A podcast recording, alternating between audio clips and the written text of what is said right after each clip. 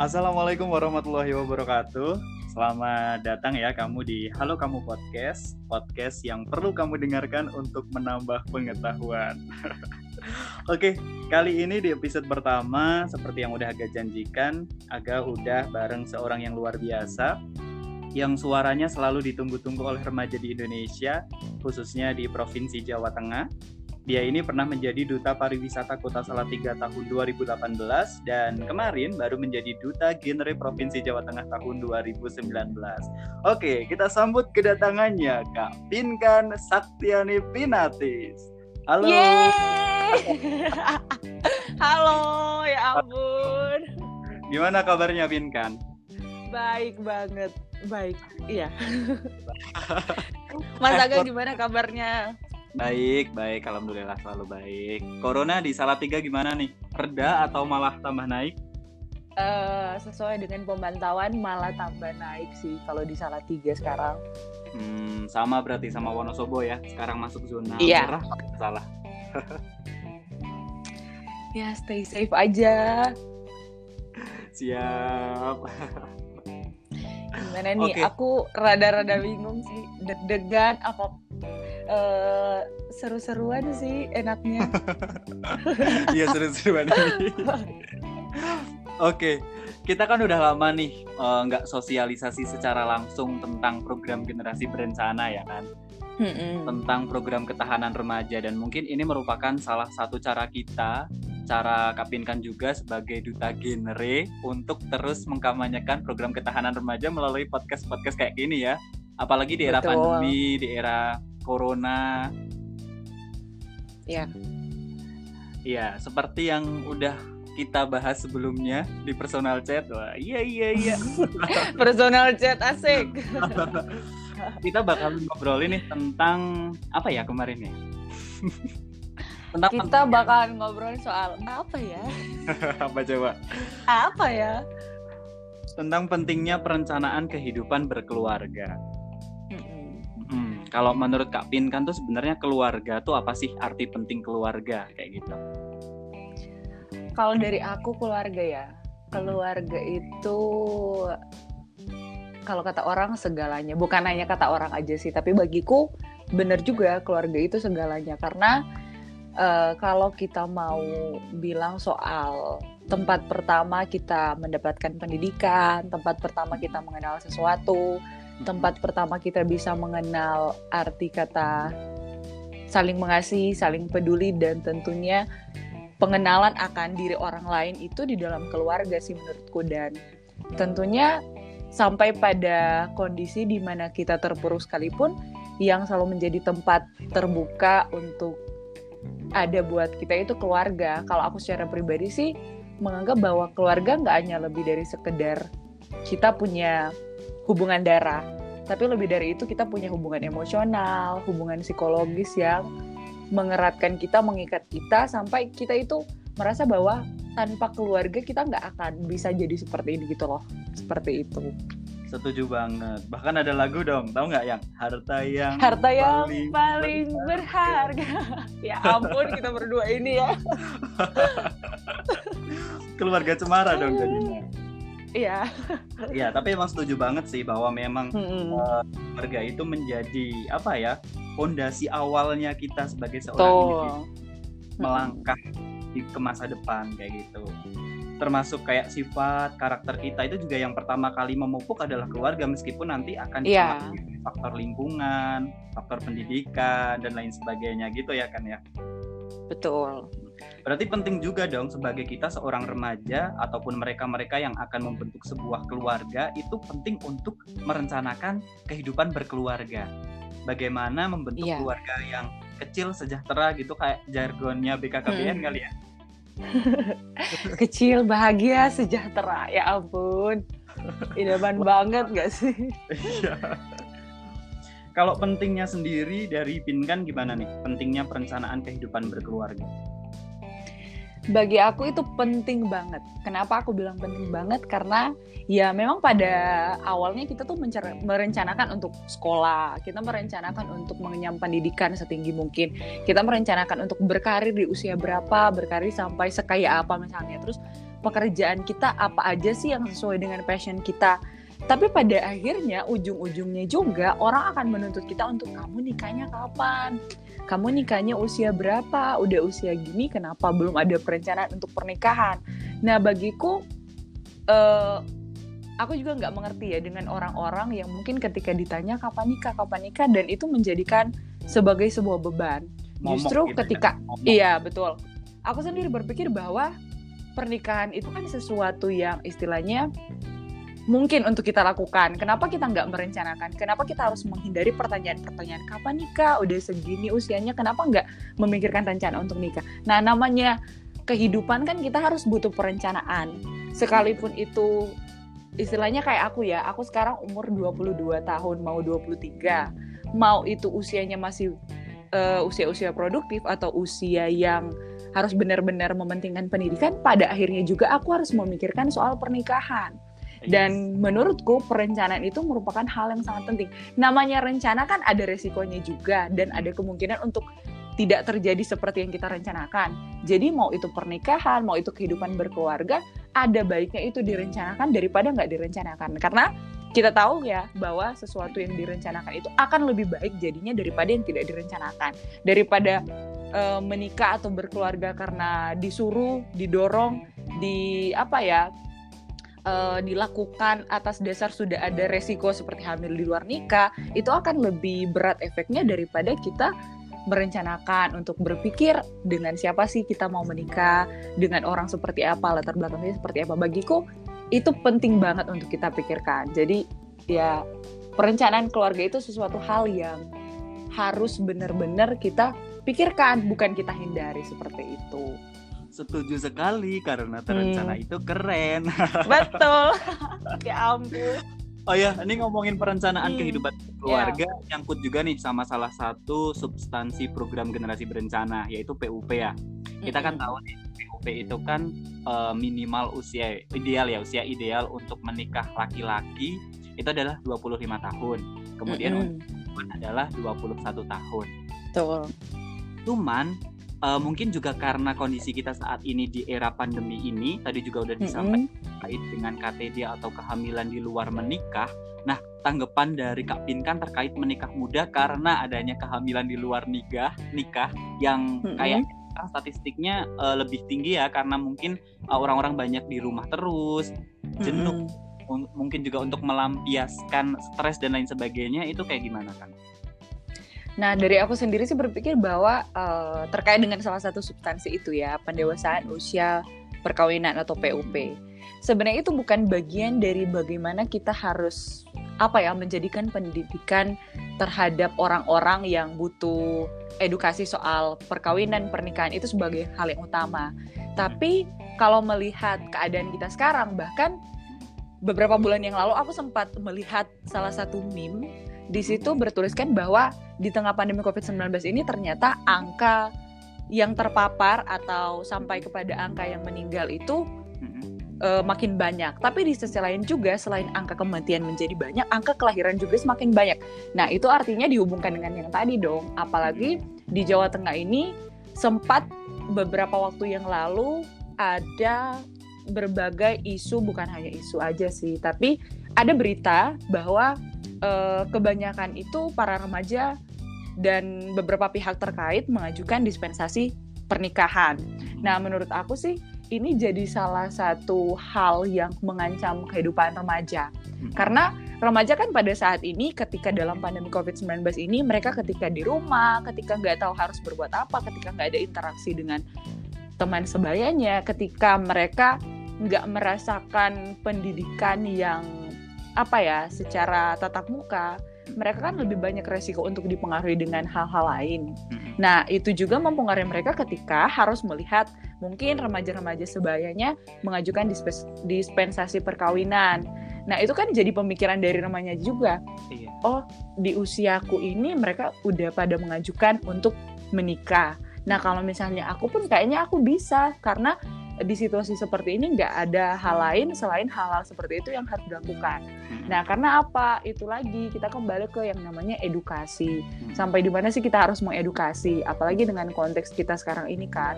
Hmm. Kalau menurut aku sih uh, remaja sekarang ini kan makin kritis, iya. tapi mereka juga makin kritis dengan keadaan mereka kayak mereka nggak hanya berpikir soal kita punya masa depan, tapi iya. bagaimana cara mereka menanggulangi keadaan sekarang. Kadang kita juga sebagai orang-orang yang istilahnya usia kita sebenarnya bukan usia yang remaja awal lagi. Oh, oh, usia kita kan udah masuk ke tahap dewasa, dewasa kita aja masih berpikir yang labil kayak aku nikah umur berapa ya aku mendingan nikah aja deh karena aku juga sendiri kadang berpikir bahwa teman-teman seumuranku itu udah banyak yang nikah. Yeah. Kadang tuh kalau beberapa waktu yang lalu ya, aku sempat story temanku yang tunangan. Mm-hmm. Lah, aku yang di DM gini, kamu kapan? Kan kamu udah segini gini. Aku yeah. ya iya. ampun, kan bukan berarti aku juga istilahnya kayak aku kode-kode supaya aku juga ditanyain orang seperti yeah. itu sih banyak pokoknya perkaranya ya Iya emang karena menikah itu bukan mm -mm. cepetan ya, bukan balapan yeah. gitu. Tapi mencari yang tepat kayak gitu. Betul. Oke, apalagi kalau ini ya, kalau ngomongin tentang PUP, kenapa sih kita mm -hmm. uh, lebih baik menghindari untuk tidak melakukan pernikahan muda, lebih baik untuk mengupayakan, mengusahakan agar kita benar-benar menikah di usia ideal, 21 mm -hmm. bagi perempuan dan 25 bagi laki-laki. Itu juga masuknya kan ke kesehatan juga ya, khususnya bagi Betul. perempuan. Kayak terkait kesiapan apa rahim, kesehatan tulang. Mm -hmm panggul ya, panggul, pinggul Betul. dan lain sebagainya kayak gitu-gitu ya bener ya. Iya, dan aku tuh pernah baca juga sih, pernah baca di sebuah sumber menyebutkan sumber yang valid kayak gitu ya. Itu katanya di dalam sumber tersebut ketika seseorang menikah di bawah usia ideal itu memiliki resiko kematian yang lebih tinggi daripada mereka yang sudah uh, menikah ataupun melahirkan di usia yang di atas ideal kayak gitu. Iya, sebenarnya bukan hanya dari sisi apa ya kesehatan sebelum sebelum melahirkan atau dalam proses mengandung itu. Sebenarnya aku pernah juga ya karena genre ini ya, jadi kita banyak tahu soal apa sih resiko-resiko yang bisa ditimbulkan ketika menikah di usia kurang dari ideal itu di bawah 21 tahun misalnya. Nah, aku tuh sempat dikasih tahu kita perempuan itu kan mereka kan beda-beda kan tingkat yeah. ketahanannya dan dalam hal reproduksi juga ada beberapa hal yang sangat-sangat beresiko. Hmm. Nah, orang dewasa aja yang mungkin bisa dikatakan ideal untuk menikah di atas 21 tahun, mereka itu resiko untuk apa ya, mengandung, menjaga kehamilan mereka itu benar-benar diperhatikan.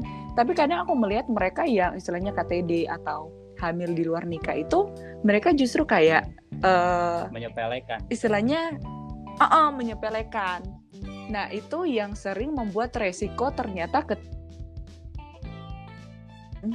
dampaknya itu bisa ke anak misalnya berat badannya kemudian gizinya tidak tercukupi. Habis itu juga dari sisi ibunya dia mendapatkan tekanan secara psikologis, bahkan pun gak hanya dari ibunya, resikonya juga bisa kena ke bapaknya atau ke laki-lakinya. Misalkan ketika nggak siap dengan keadaan berumah tangga ketika harus apa ya secara terpaksa menikah karena suatu keadaan kecelakaan tersebut. Sampai-sampai mereka itu harus diperhadapkan dengan yang namanya gangguan mental, gangguan emosional psikologis sampai-sampai memunculkan KDRT lah berujung kepada perceraian dan sebenarnya banyak sekali sih resiko yang bisa ditimbulkan karena tidak memperhatikan usia atau resiko-resiko dari hamil di usia muda karena pernikahan usia dini seperti itu. Dan ngomong-ngomong tentang perceraian juga nih di era mm -hmm. pandemi ini banyak sekali loh diberitakan bahwasanya kasus perceraian tidak hanya di Jawa Tengah, di Indonesia itu meningkat mm -hmm. drastis. Betul. Mungkin karena ini ya perekonomian saat ini sedang down, sedang turun jadi kayak banyak timbul permasalahan-permasalahan keluarga keluarga-keluarga baru yang mereka memang sebenarnya belum siap tetapi dituntut untuk siap kemudian mungkin diterpa oleh angin-angin kencang corona ini jadi perekonomiannya mereka nggak stabil gitu ya. Nah itu sih. gimana Nah, kalau menurutku uh, ini sih yang sering dilupakan oleh kita sih sebenarnya. Orang tuh berpikir kalau apa ya untuk membangun suatu hubungan berumah tangga yang penting modalkan cinta. Tapi kan beberapa film FTV mungkin atau beberapa iya beberapa yeah. film FTV mereka tuh banyak menyajikan soal ini nih dengan bermodalkan cinta dan keyakinan dengan pasanganmu sendiri pasti hubungannya akan bahagia. Padahal sebenarnya enggak. Justru kadang orang tua orang tua kita dari dulu mengatakan bahwa e, pernikahan itu enggak hanya modal cinta. Emang pada akhirnya kalian itu akan saling mencintai ketika sampai di awal-awal pernikahan. Tapi orang tua juga orang tuaku juga bilang bahwa ya pada akhirnya itu kalau nggak ada uang kalian tuh uh, bisa-bisa nggak akan merasakan cinta. Karena cinta itu nggak hanya bisa diukur dari perasaan satu dengan yang lain tapi bagaimana sih kalian dalam keluarga saling menafkahi memenuhi kebutuhan kayak gitu. Jadi aku rada gimana ya soal orang yang kadang menyepelekan soal kemapanan untuk membangun suatu kehidupan rumah tangga seperti itu iya. Meskipun cinta satu kata penuh makna tapi cinta itu iya. terasa ya. Bener banget. jangan sampai ditipu oleh cinta pokoknya. Bucin dong kalau ditipu sama cinta. A aku enggak tapi temanku yang yang ngobrol sekarang ini kayaknya bucin. Begitu kah? Kelihatan sih. Aduh aduh aduh. Oke oke oke. Yang penting kita tetap merencanakan masa depan ya betul oke nah beberapa waktu lalu hmm uh, untuk podcast kali ini terkait dengan perencanaan kehidupan berkeluarga, uh, aku juga mungkin Pinkan kita udah bareng-bareng uh, buka Q&A, Q&A box mm -hmm. di Instagram. Nah, ada beberapa pertanyaan yang sudah aku pilih ini uh, Pinkan. Yang pertama mm -hmm. Seo, kayaknya orang Korea yeah. bisa bahasa Bagaimana sih tanggapan terhadap influencer yang memamerkan pernikahan usia muda?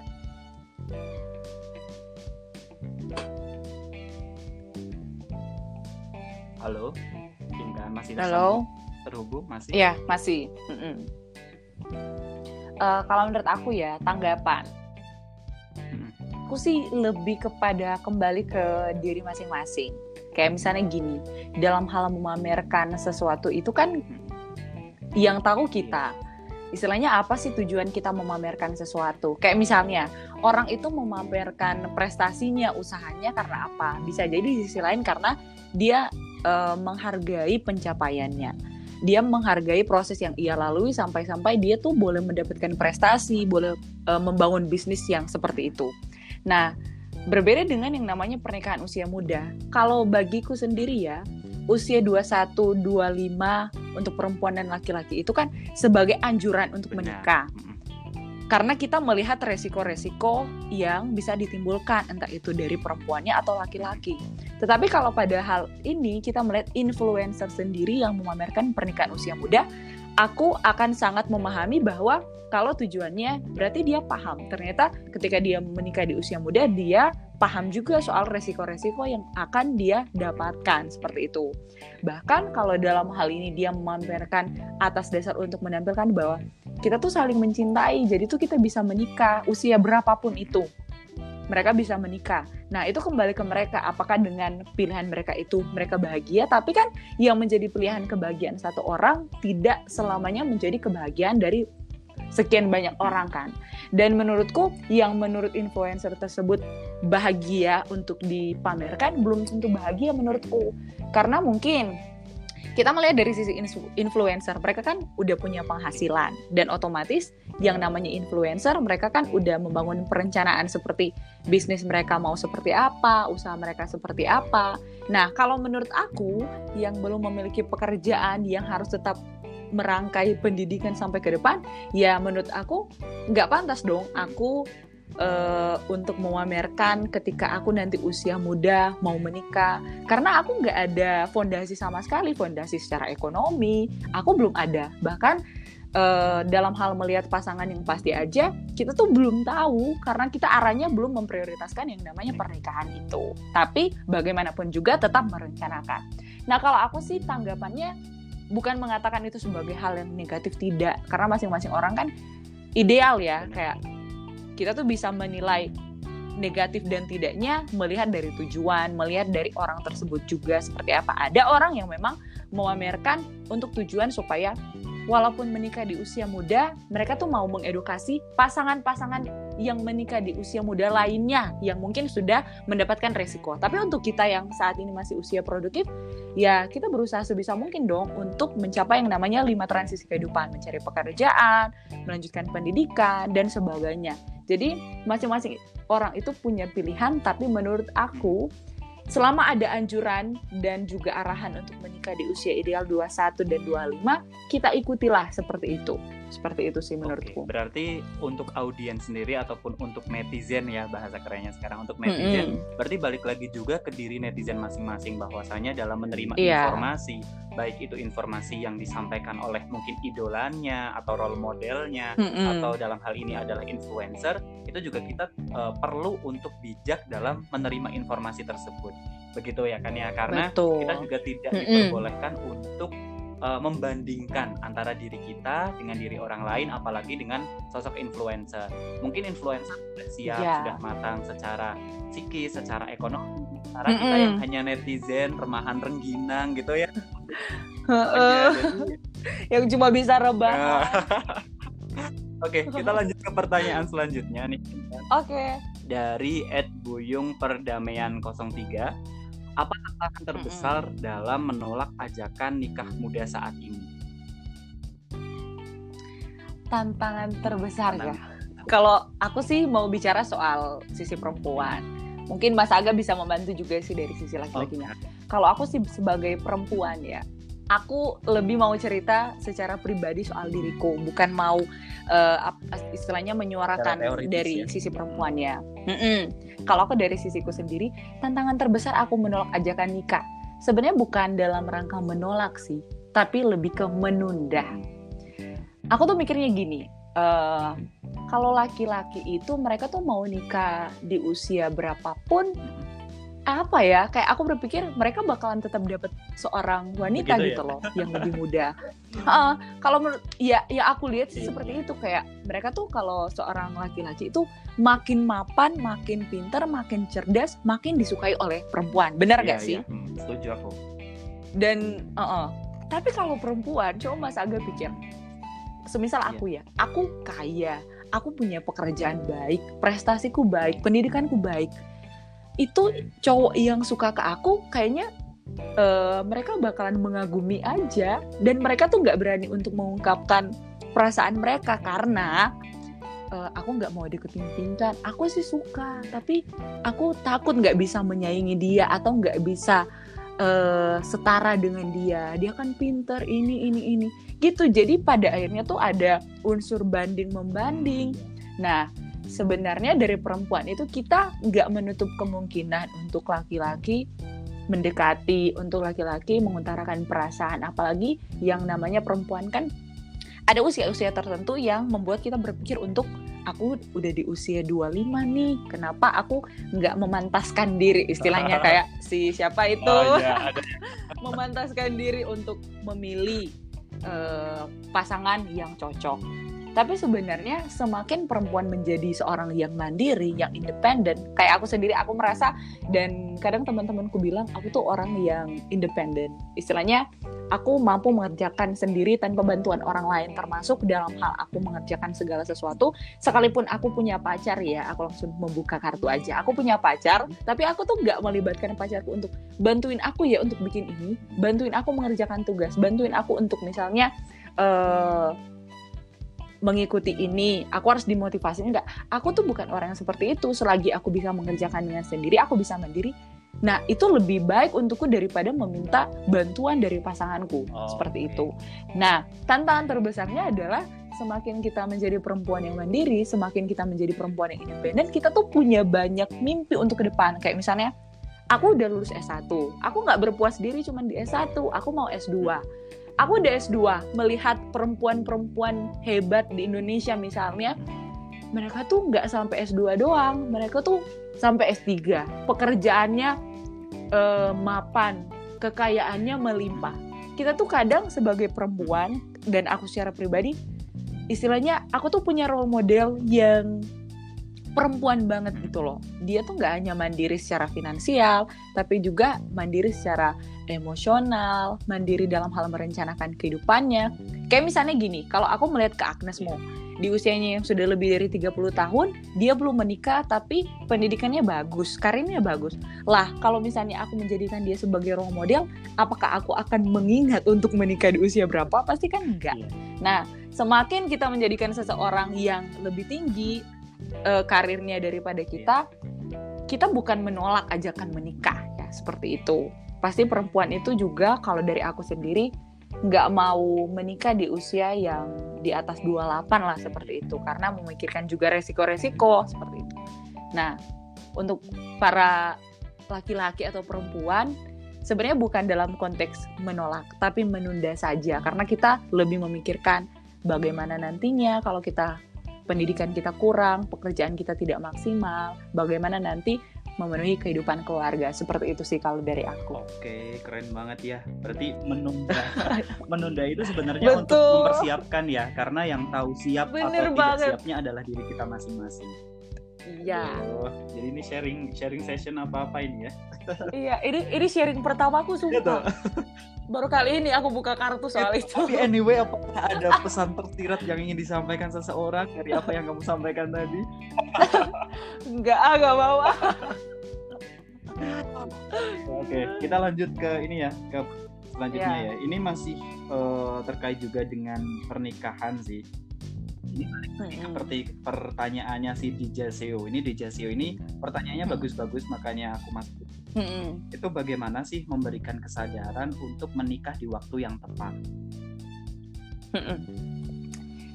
Uh, memberikan kesadaran kan itu suatu hal yang istilahnya di luar kontrol kita ya.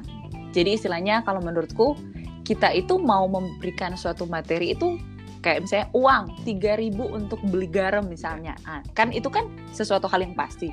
Tapi dalam rangka memberikan kesadaran kan itu, itu amat sulit. Kita sulit menilai orang sadarnya seperti apa harus ada indikator-indikatornya. Kalau dari aku sih e, cara supaya memberikan kesadaran untuk menikah di waktu yang tepat dalam rangka dari kita ke orang lain ya kita sendiri dulu harus sadar.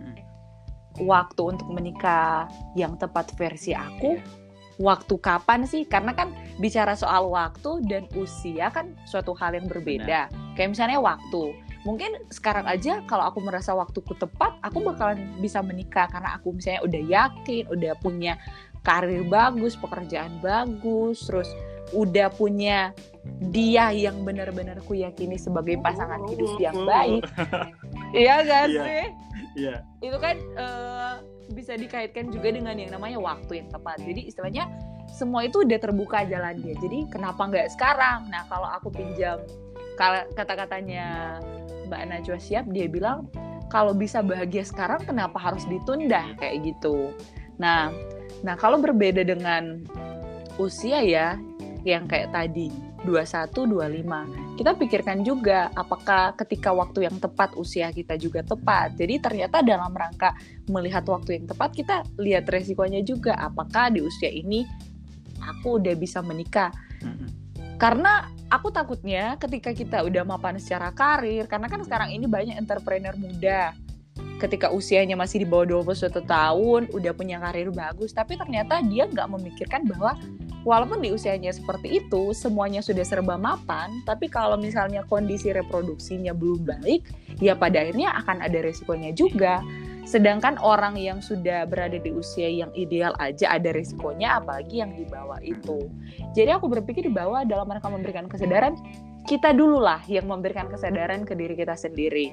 Kalau misalnya kita sudah tahu waktu yang tepat, kita sudah tahu usia yang tepat, dan kita punya perencanaan yang tepat sih menurut aku yang lebih penting adalah ya kita lakukan itu seperti itu sehingga orang lain akan sadar oh ternyata si pingkan itu menikah di usia yang seperti ini pingkan itu menikah di waktu yang seperti ini jangan ketika ada pandemi COVID-19 terus kita itu boro-boro menikah. Ya nggak apa-apa kalau kita udah terlanjur merencanakan dan bertepatan dengan kondisi COVID-19 kan. Itu kan sesuatu yang sudah direncanakan dulu tapi ketika ada pandeminya malah istilahnya perubahan rencana. Nah, tapi kalau misalnya merencanakan pendidikan ketika oh ya uh, budget untuk pernikahan itu lebih murah ternyata karena ada pandemi, ya nggak sih? Iya. jadi tuh boro-boro untuk menikah jadi aku berpikirnya kembali sih ke kita kita mulai dari pribadi kita dulu sendiri habis itu kita memotivasi orang lain dengan tindakan yang sudah kita ambil terlebih dahulu. Karena kadang untuk menginfluence, memotivasi orang itu dari Betul. hal yang kita Mm-mm. lakukan yang tanpa sadar orang bakal mencontoh gitu ya. Iya. Terus nih eh, ada juga pertanyaan dari @ananda.kalalo. Menurut Kapinkan itu persiapan untuk menikah baiknya disiapkan sejak umur berapa? Sama dari @rani Rani YST underscore buat Kak Pinkan sudah ada Hmm. rencana menikah di umur berapa dan kenapa di umur segitu? Waduh, kenapa ditanya umur berapa? ya Kayak- ampun, aku jadi deg-degan. Kayaknya ini itu deh udah siap-siap mau pergi ke kondangan Oke, aku akan mencoba menjawab seideal Iya. mungkin. Nggak ideal juga sih. Ya pada akhirnya juga aku akan menjawab sesuai dengan pengalaman pribadi. Waduh. Tapi belum Eh, nikah kan? Enggak lah. Eh, aduh, aku bakalan buka-bukaannya di podcast ini. iya, Oke. Eksklusif ya. Pertama, eh, menurut Anda persiapan untuk menikah itu baiknya disiapkan sejak umur? Kalau aku sih tergantung dari kita masing-masing. Eh, sampai SMA kelas 3 aja. Namanya. Pertama tahun.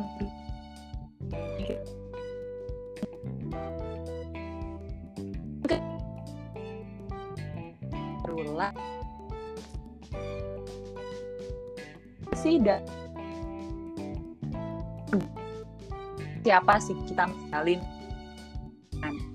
Karena udah bertahun-tahun menjalin hubungan dengan pacarnya tapi nggak punya apa ya tujuan akhir. Kayak misalnya kita tuh udah selama ini loh pada akhirnya kita mau ke mana? Apakah kita mau sampai kepada tahap serius atau enggak tapi ada orang yang baru beberapa bulan menjalin hubungan tapi berusaha untuk membangun hubungan yang serius sampai ke tahap pernikahan.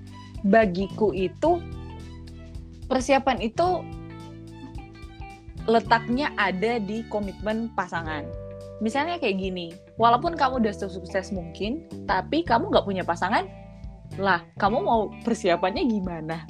Iya. Tanpa tanpa kita tahu kan orangnya siapa, kita nggak tahu latar belakangnya seperti apa, keluarganya bagaimana, gimana kita mau merencanakan pendidikan kalau seperti itu, istilahnya kan kayak kita berjalan. eh, tapi hanya satu kaki doang, kita nggak tahu arahnya ke mana pada akhirnya. Nah, sebisa mungkin ketika kita sudah meyakini ada pasangan yang tepat atau dari seorang laki-laki misalnya kepada perempuan ketika seorang laki-laki itu istilahnya membawa kita kepada hubungan yang serius mau membicarakan soal keluarga ke depan mau merangkai masa depan bersama di situlah kita mempersiapkan untuk kepernikahan itu. Walaupun mungkin istilahnya ada orang yang hanya mempersiapkan dalam waktu dua bulan, dalam waktu setengah tahun, atau ada yang bertahun-tahun mau tunangan dulu, abis itu tunggu beberapa tahun baru nikah. Baru Itu- nikah. Eh, eh, itu terserah sih menurut aku. Kembali ke masing-masing kita siapnya kapan, kita siapnya di mana, kita siapnya secara apa, itu semua kembali ke kita. Tapi kita pikirkan juga apakah persiapan menikah kita itu eh, efisien gak sih? Karena banyak sekali yang aku baca ya artikel-artikel mereka tuh karena persiapan pernikahannya terlalu lama, jadi tuh banyak hal yang sering mempengaruhi. Kayak misalnya, eh, aku tuh udah tunangan sama dia 2018 misalnya. Terus banyak sekali karir-karir atau ada kan orang yang menunda pe- pernikahan karena aku mau menyelesaikan kontrak kerjaku dulu. Nah, ketika ada tawaran-tawaran yang menggiurkan terkait dengan pekerjaan, karir, waktu untuk menunda pernikahan itu makin lama sampai-sampai bisa jadi kedua belah pihak mempertanyakan kita itu sebenarnya eh, waktu yang tepat yang mau direncanakan itu kapan? Kenapa kayak misalnya mengulur-ulur waktu? Nah, seperti itu sih. Kadang persiapan untuk menikah itu butuh waktu yang pas juga. Kita istilahnya kita pakai deadline, harus terschedule. Kita mau persiapannya berapa lama? Kita mau meyakinkan kedua belah pihak dari keluarga-keluarga kita berapa lama? Jadi supaya kita ada apa ya keputusan yang pasti, kita mau melangkahnya se seperti apa dan waktu untuk melangkah kita itu harus dari mana dan pada akhirnya itu seperti apa. Kalau dari aku sih seperti itu. Nah, lanjut ke sudah ada rencana menikah di umur berapa? Ya, gimana itu? Uh, aku jujur-jujuran aja ya. ya ampun. Kenapa podcast ini seakan membunuh mentalku ya? Waduh. Sebenarnya aku, mm, aku nggak ada target menikah usia berapapun. Kayak yang aku bilang tadi di awal ya. Aku nggak mau menikah lewat dari 28 tahun. Uh, dasarku adalah kakakku itu menikah usia 19 tahun mamaku kalau nggak salah dia menikah 18 tahun. Ya, hmm. ketika aku belajar soal generasi berencana, usia ideal, aku semakin mengetahui bahwa ternyata menikah di usia ideal itu benar-benar harus dipikirkan. Hmm. Ya, cukup sama mamaku dan kakakku aja yang menikah di usia yang cukup muda, bahkan amat sangat muda. Hmm. Tapi aku jangan, karena istilahnya kita kan udah memegang jabatan sebagai duta. Kita tuh yeah. Uh, tugasnya mengedukasi. Jadi kita tuh harus istilahnya jadi orang pertama juga yang harus menunjukkan itu. Di usiaku yang mau masuk 23 ini dan aku udah mau menyelesaikan S1ku, sebenarnya belum ada pikiran untuk menikah sebenarnya. Iya. Tapi karena disandingkan dengan pasangan yang istilahnya uh, terpaut usia 2 tahun, terus dia juga udah punya pekerjaan yang mapan, dia juga udah punya pendidikan yang baik dan kalau dari aku sendiri aku merasa sangat bersyukur gitu loh. Uh, Tuhan mempertemukan dengan orang yang istilahnya memikirkan soal pendidikan, memikirkan soal pekerjaan iya. dan kalau dari sisi aku sebagai orang Kristen memikirkan soal pelayanan juga seperti itu. Nah, aku jadinya langsung berpikir soal kayaknya aku harus merencanakan juga. Walaupun aku nggak tahu menikahnya pas di usia berapa tapi sedini mungkin aku harus mempersiapkan karena kan udah tahu pasangannya seperti apa. Nah, aku juga harus siap-siap. Takutnya malah diajak nikah di usia berapa dan aku nggak punya persiapan kan itu lebih istilahnya nggak baik lah untuk aku. Takutnya aku jadi shock dengan keadaan seperti itu. Walaupun sebenarnya aku nggak shock sih, aku bakalan seneng kalau diajak nikah. dan aku berpikir bahwa bagiku itu pendidikan itu hal yang sangat penting. Sekalipun misalnya mungkin dari sisi pasanganku sendiri dia mengajak aku untuk menikah. Tapi aku selalu memprioritaskan untuk mau itu aku menikah dulu, baru lanjut S2 atau S2 dulu baru menikah, aku memastikan bahwa pendidikanku itu tidak berhenti. Seperti itu. Nah, ini yang sering kali dipahami kita sebagai anak muda atau mungkin berlaku sih sama perempuan dan laki-laki yang berpikir bahwa ketika sudah menikah fokus kita ke keluarga, fokus kita ke anak, fokus kita ke suami istri. Tanpa kita memikirkan bahwa ternyata masih ada peluang bagi kita untuk melanjutkan pendidikan. Dan kebanyakan itu uh, di dalam keluarga itu sering memperdebatkan soal masa ketika udah menikah kamu yang lanjut pendidikan? Terus aku gimana? Aku kan mau berkarya juga aku mau bekerja juga. Nah aku belajar bahwa ternyata penting sekali untuk membangun suatu komunikasi yang baik komunikasi dalam keluarga. Dan itu yang sampai saat ini aku kagumi dari keluargaku sendiri bahwa iya. mereka selalu mengomunikasikan apa pun itu. Persoalan perencanaan terhadap anak, perencanaan suami istri, perencanaan terhadap ekonomi. Dan itu yang sampai sekarang ini aku yakini sebagai uh, fondasi bahwa ke depannya ketika pun nanti aku harus menikah dengan penuh persiapan aku akan tetap membangun komunikasi dengan pasanganku. Dan aku akan tetap uh, memberikan suatu gagasan bahwa aku mau tetap pendidikan menjadi hal yang utama. Hmm. walaupun memang ada beberapa hal yang harus apa ya dimengerti. Kayak misalnya ketika dia bekerja apa yang harus aku lakukan? Ketika aku bekerja juga apa yang harus dilakukan? Seperti itu sih.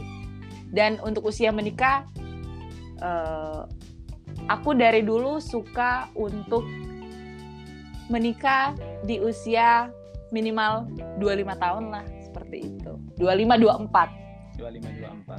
Uh -uh. Oke. Okay. aku nge-highlight tadi yang disampaikan mm -hmm. oleh Vinkan salah satunya kan secara tidak langsung nih Vinkan kan sekarang udah disandingkan oleh seseorang yang yang disyukuri oleh Vinkan. Nah, Amin. ini juga terkait dengan pertanyaannya uh, dari Ed Malida underscore Amelia. Ini gimana sih hmm. kemudian bisa yakin buat menentukan oke okay, dia yang terbaik buat aku kayak gitu. aku juga masih bingung sih kenapa oh, ya kenapa ya sebenarnya tuh um, kalau mau dibilang ya aku ketika menjalin hubungan dengan seorang laki-laki aku cenderung jadi tipe orang yang cuek bukan cenderung sih aku sebenarnya orang yang care orang yang peduli orang yang suka memperhatikan segala sesuatu. Kayak misalnya pekerjaan tugas tanggung jawab. Aku sangat memperhatikan akan hal itu. Tapi aku nggak tahu kenapa dari dulu aku tuh orang yang amat sangat cuek dengan yang namanya hubungan. Ya memang pada akhirnya kita harus istilahnya memberikan perhatian kepada pasangan kita. Tapi dalam rangka itu menjadikan suatu hal yang serius hal yang prioritas bagi aku itu enggak dan secara jujur aku mau katakan bahwa beberapa kali aku gagal dalam hubungan, gagal dalam arti misalnya mengakhiri hubungan dengan orang yang sudah lumayan lama menjalin hubungan, itu karena sifatku yang cuek, sifatku yang amat sangat perfeksionis. Dan itu yang sering orang tuaku katakan bahwa kamu itu kalau misalnya mengedepankan egomu sendiri, kamu memprioritaskan dirimu, memprioritaskan karir, pendidikanmu secara pribadi tanpa memikirkan orang lain itu nggak akan berjalan dengan baik sekalipun kamu sepintar apa pun kamu sesukses gimana pun kamu nggak akan bisa menjadi hubungan dengan baik.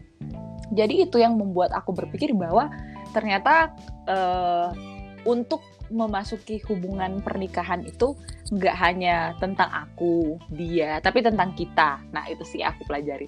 Dan gimana aku bisa yakin untuk menentukan? Karena aku melihat rekam jejak dari mantan mantanku asik mantan mantanku sebelumnya. Mantan, mereka tuh uh, uh, mereka tuh nggak apa ya mereka tuh nggak berani untuk membicarakan soal masa depan. Kayak misalnya uh, aku niatnya untuk menikah dengan kamu ini umur segini. Aku tuh niatnya untuk bekerja. Aku niatnya untuk uh, berkarir di bidang ini terus dengan penghasilan yang seperti ini. Jadi tuh yang sebelum sebelumnya mereka tuh nggak berani membicarakan hal yang serius. Walaupun aku sebagai perempuan nggak menuntut mereka untuk membicarakan itu. Tapi paling nggak untuk hubungan yang di usia yang istilahnya mau menuju ke pernikahan kan kita harus mempersiapkan kan nah dari dari yang ini dialah yang sekarang ini aku mengerti bahwa ternyata untuk membangun suatu pernikahan harus dimulai dari eh, kalimat-kalimat gimana ya kalau misalnya ke depannya kita bangun usaha. Gimana ya kalau ke depannya kita pelayanan di tempat yang seperti ini. Jadi itu dia memberikan apa ya kalimat-kalimat yang membuat aku yakin ternyata dia aja udah punya perencanaan untuk ke depannya dan itu bukan gitu ya? uh, uh, bukan sesuatu hal yang aku pikirkan. Dan awal awalnya juga aku kan berpikir bahwa ah kayaknya dia bercanda deh. Aku curhat ke mamaku aku curhat ke temanku. Dan mereka tuh bilang pingkan orang tuh kalau misalnya udah ngobrol serius oh, ya kamu harus memikirkan motifnya apa, tujuannya apa. Sampai-sampai kan aku nggak percaya karena kan aku orangnya kebanyakan bercanda kan, banyak ketawanya. Jadi aku tuh nggak menganggap orang itu serius. Dan kebetulan pasanganku yang sekarang dia orangnya humoris juga. Jadi tuh aku nggak bisa melihat bahwa dia seriusnya saat kapan dia tuh bercandanya di saat kapan. Karena menurut aku sama aja bercanda terus. Tapi ternyata uh, ada suatu kondisi di mana dia membicarakan hal yang serius. Sampai-sampai harus membawa cerita soal tanpa aku suruh ya dia langsung bilang aku udah ngobrol dengan orang tuaku. Aku udah mempersiapkan ini dan itu. Nah kita kan sebagai perempuan kalau seorang laki-laki itu udah mempersiapkan sesuatu demi masa depannya kita, ya aku harus berpikir ternyata dia seserius ini, ternyata dia udah sampai kepikiran seperti itu untuk merencanakan masa depan. Nah, dari hal-hal seperti itulah yang membuat aku yakin untuk baru sampai di kayaknya dia deh. Belum yang apa ya? Oh, udah dia pasti.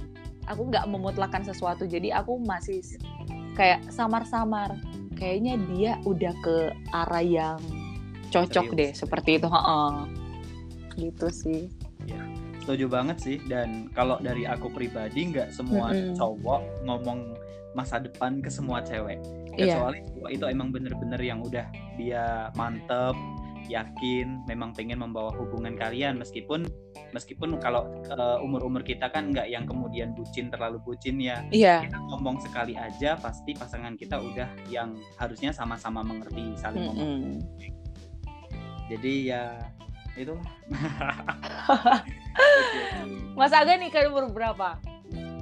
Aku sama aku nggak ada nggak ada apa ini namanya nggak ada Ada patokan ya. umur Hmm. berapa kayak gitu cuman memang bener banget apa yang tadi disampaikan sama kamu di awal bahwasanya memang aku pribadi saat ini untuk ya bahasa apa ya bahasa dia bukan kasar sih bahasa Hmm. gamblang ya, itu untuk mendekati seorang wanita aku pribadi di umur-umur sekarang karena umur 23 dan eh, apa circle aku teman-teman ceweknya yang udah siap menikah itu banyak jadi aku Mm-mm. lebih berhati-hati untuk untuk apa ya menjalin hubungan yang secara menggunakan perasaan karena aku Heeh. takutnya jatuhnya PHP dan lain se- sebagainya dari aku pribadi aku masih perlu mempersiapkan yang namanya karir terutama bagi seorang laki-laki karena betul menurut aku ketika karir seorang laki-laki itu sudah matang, sudah mantap, dia tingkat tanggung jawab terhadap keluarganya nantinya itu akan lebih bagus daripada ketika Mm-mm. dia masih di ambang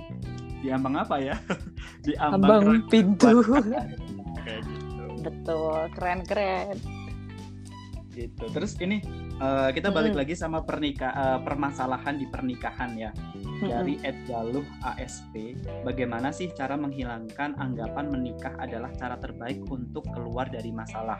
Mengingat lagi kan sekarang lagi corona kayak gini ya, banyak Mm-mm. sekali cewek-cewek yang mungkin berpikiran, ah keluarga saya lagi sulit ekonomi nih, atau mungkin ada nih keluarga yang menganggap ketika menikahkan anaknya itu beban tanggungan ekonominya akan berkurang. Nah itu Mm-mm. gimana itu? Kalau dari aku sih sebenarnya eh, kembali ke yang namanya edukasi ya. Apakah keluarganya sudah teredukasi dengan baik? Apakah pemerintah setempat itu udah melakukan sosialisasi terkait dengan pernikahan atau belum? Karena kalau aku berpikir ya sepanjang menjadi duta genre ataupun mungkin Mas Aga pasti mengalami yang demikian. Kita tuh nggak bisa menjangkau semua orang gitu loh.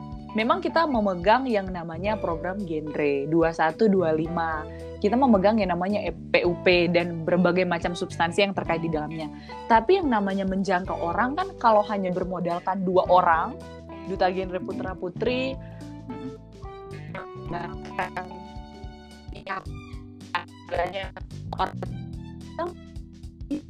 jadi yang paling penting adalah bagaimana kita mau edukasi, sosialisasi dengan pemerintah-pemerintah setempat. Jadi sebenarnya masyarakat sekarang kan mereka udah semakin kreatif ya, udah semakin kritis. Kayak eh, baru-baru ini yang film pendek yang heboh itu si Ibu Tejo, dia Oh salah iya, satu. Mm-mm. dia salah satu ibu yang menurutku sangat kritis dan itu patut dicontoh. Kritis dalam arti bukan dia mau menjelek-jelekan orang, tapi dari dia kita belajar bahwa ternyata segala sesuatu itu perlu dipastikan. Dan sebelum kita memastikan itu, kita harus cari dulu. Kita harus cari dulu tanda-tandanya, ciri-cirinya, dan baru kita sebarkan ke orang lain. Nah, pada akhirnya kan tujuan dari menyebarkan itu bukan dalam rangka supaya orang-orang eh, membenci atau orang-orang memupuk amarah atau pikiran negatif terhadap orang lain atau yang dia ceritakan pada waktu itu kan si Mbak Dian itu. Tapi pada akhirnya mau mengajarkan bahwa sebenarnya kalau kita bisa mengedukasi orang lain, kalau kita memastikan secara data, kita memastikan segala sesuatunya, pasti yang muncul bukan hanya sekedar anggapan, tapi kesadaran. Kita harus eh, benar-benar tahu sebenarnya anggapan menikah itu yang dipahami oleh masyarakat umum atau misalnya masyarakat yang belum terlalu paham soal PUP atau substansi-substansi di genre itu apa sih? Siapa tahu mereka memahami pernikahan itu sebagai bagian dari misalnya ibadah ya. Kalau misalkan dari sisi apa agama Islam ya, Mas. Sebagai ibadah. Nah, ibadah ini kan kita bisa pahami sebagai istilahnya kan suatu kewajiban kita kan sebagai umat yang beragama. Tapi kan kita nggak mengatur ibadah itu dalam hal menikah usia berapa. Nah mungkin di situ bisa diedukasi mungkin dari sisi agama, karena kan pemerintah nggak bisa uh, menjangkau sampai ke masing-masing pribadi orang-orangnya. Tapi kalau misalnya orang-orang yang beragama, mungkin mereka bisa ikut apa sih yang namanya kayak pengajian, terus ada uh, edukasi-edukasi dari apa ya ustadz, ust ustazah ataupun tokoh-tokoh agama lain, justru itu akan apa ya mengubah mindset mereka soal menikah. Dan itu sih yang sampai saat ini masih aku pikirkan bahwa kenapa kita dalam hal menyosialisasikan, mengedukasi para remaja, para orang tua, kenapa kita masih cukup sulit untuk melibatkan tokoh-tokoh agama. Padahal kalau di budaya aku ya, di Manado, kita itu menghormati yang namanya pendeta atau tokoh agama, terus guru, karena mereka yang diyakini sebagai orang-orang yang memiliki sisi-sisi uh, yang mampu mendidik. Jadi orang akan lebih percaya, orang akan lebih ikut, orang akan lebih sadar ketika yang berbicara itu tokoh-tokoh seperti itu. Dan yang menurutku sebenarnya itu dalam rangka memandang menikah sebagai cara terbaik untuk keluar dari masalah sih bukan. Tapi mungkin mereka beranggapan bahwa ketika kita menganggap menikah itu sebagai ibadah, kan ketika kita menjadikan segala sesuatu itu sebagai ibadah, kita akan menyeriusi itu kan. Kita akan menganggap itu sebagai suatu hal ketika kita sungguh-sungguh beribadah kepada yang maha kuasa, kita juga akan memahami itu sebagai pasti kita akan terbebas dari masalah. Nah, bisa jadi masyarakat-masyarakat tertentu masih memahami seperti itu. Nah, itulah yang perlu kita edukasi. Itu sih yang masih menjadi pemikiran beratku yang masih aku cari sosialisasinya dengan cara apa, edukasi kerjasamanya seperti apa. Seperti itu, Mas. Oke, keren sekali dan tidak terasa kita sudah hampir satu jam. Ya ampun, asik banget sumpah. 38 detik ini. sebenarnya kalau ngomongin terkait pernikahan, perencanaan masa depan itu memang asik banget, apalagi sebagai hmm. saat ini aku, kamu itu masih berada di usia produktif ya. Itu yeah. benar-benar kayak uh, mengalir gitu aja, banyak hmm. hal yang perlu kan banyak hal yang perlu kita kampanyekan kayak gitu kayak gitu. Oke, ini terakhir nih Kak Pinkan. Pesan dan motivasi Pinkan untuk remaja saat ini itu apa? Pesan dan motivasi pesannya adalah jangan menyia-nyiakan waktu. Istilahnya adalah ketika teman-teman punya kesempatan untuk sekolah, teman-teman punya kesempatan untuk berorganisasi, teman-teman punya kesempatan untuk belajar, manfaatkanlah itu. Nah, karena aku berpikir bahwa ketika aku di usia ini, mungkin orang-orang lain melihat bahwa aku uh, orang yang bisa belajar, memiliki kesempatan untuk mencoba hal ini dan itu. Tapi agak sedikit terlambat juga dalam hal belajar karena keadaan sekarang dengan keadaan dulu ketika aku berkembang menjadi seorang remaja sampai di usia ini nggak secanggih sekarang. Kalau sekarang itu teman-teman bisa mengakses apa pun mau itu belajar, mau itu seputar bisnis, mau itu seputar life skill, teman-teman bisa belajar dari internet, sosial media yang ada. Apalagi di tengah pandemi COVID-19 ini, kita jangan menjadikan ini sebagai satu wadah untuk kita bermalas-malasan, untuk kita menjadikan kondisi ini sebagai kondisi untuk rebahan aja. Tidak, tapi dengan adanya layanan informasi secara apa ya, secara mudah dan aktif untuk bisa kita akses, kita manfaatkan itu.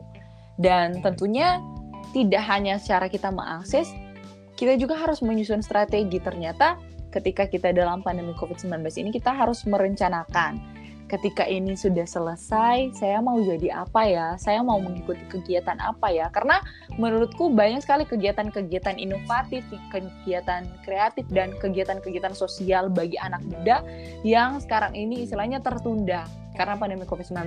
Padahal itu semua bisa membuka wawasan kita sebagai anak-anak muda, bisa membuka kesempatan bagi kita untuk berorganisasi, untuk produktif, dan itu banyak sekali kesempatan. Dan aku mau memberikan motivasi bahwa uh, ketika dalam keadaan ini jangan pernah kita menjadikan ini sebagai sebuah ancaman. Kenapa jangan menjadikan sebagai sebuah ancaman? Karena kita itu orientasinya kalau menjadikan suatu hal, suatu kondisi sebagai ancaman, kita itu takut melangkah. Kita itu takut untuk mengambil resiko. Kita itu takut untuk mengambil suatu rencana. Tapi jadikanlah kondisi-kondisi ini sebagai suatu tantangan. Ketika kita tertantang untuk mencoba segala sesuatu, ya kita bakalan memperjuangkan itu. Ketika kita tertantang untuk memberikan terobosan terhadap keadaan yang sekarang, ya kita pasti akan melakukan itu karena kita punya niat, kita punya kemampuan, dan kualitas setiap orang berbeda-beda. Jangan pernah membanding-bandingkan ketika kita melihat mungkin postingan orang lain, mereka di tengah pandemi COVID-19 ini masih tetap bisa berbisnis. Mereka masih tetap bisa produktif, masih bisa ngisi acara jadi narasumber MC ini dan itu. Otomatis kan kita sebagai orang yang diam di rumah kayak merasa aku iri dia di tengah pandemi COVID-19 dia bisa tetap produktif. Lah aku, aku cuma bisa di kamar. Nah, jangan pernah membanding-bandingkan kualitas diri seseorang. Memang mungkin dia ini waktunya dia seperti itu. Itu waktunya orang tersebut untuk uh, mengedepankan yang namanya kemampuan dia di situasi seperti ini. Tapi kan waktu kita masih panjang. Generasi muda itu tidak terbatas hanya di usia 24 tahun ya. Kalau menurut aku selagi kita punya passion untuk membangun negeri, selagi kita punya keinginan, selagi kita punya niat untuk terus belajar, terus berinovasi, kepada siapa pun itu pasti ada jalan seperti itu. Jadi untuk remaja sekarang ini bahkan untuk yang sudah dewasa dalam hal melanjutkan pendidikan, mencari pekerjaan, merencanakan karir ataupun merencanakan pernikahan, jangan pernah untuk membanding-bandingkan dengan orang lain. Proses kita dengan orang lain berbeda dan juga yang pasti jalan kita dengan orang lain berbeda seperti itu. Mantap sekali. Oke. Okay. Tepuk tangan yang gemuruh penonton. Yeay. Heboh banget ya. Ribu penonton loh Oke, okay, kami ya mungkin kita cukupkan sampai di sini untuk episode pertama. Oke. Okay. Nanti kita bisa bertemu di episode-episode selanjutnya. Terima kasih banyak. Siap. Motivasi, sharing di Halo Kamu Podcast. eksklusif loh ini di episode pertama pembukaan. Wuhui, seneng banget aku. Seneng banget. Oke, terima kasih juga untuk teman-teman yang sudah meluangkan waktu untuk mendengarkan dan juga sudah sharing kemarin di Instagram terkait pentingnya perencanaan kehidupan ber Hmm. Sampai ketemu di podcast episode podcast Halo Kamu Podcast selanjutnya dari Aga. Wassalamualaikum warahmatullahi wabarakatuh. Berkarya tidaklah terbatas oleh keadaan karena yang membatasi hanyalah pola pemikiran kita. Jika kamu ingin membuka dunia, maka bukalah pikiran kita terlebih dahulu. Dadah, sampai ketemu lagi. Dah, thank you.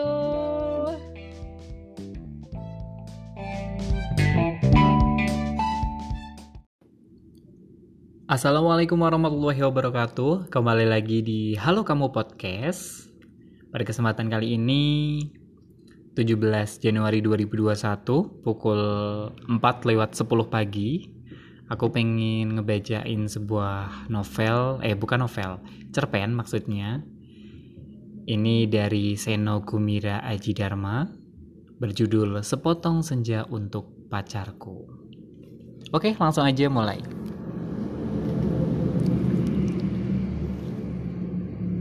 Alina tercinta, bersama surat ini kukirimkan padamu sepotong senja.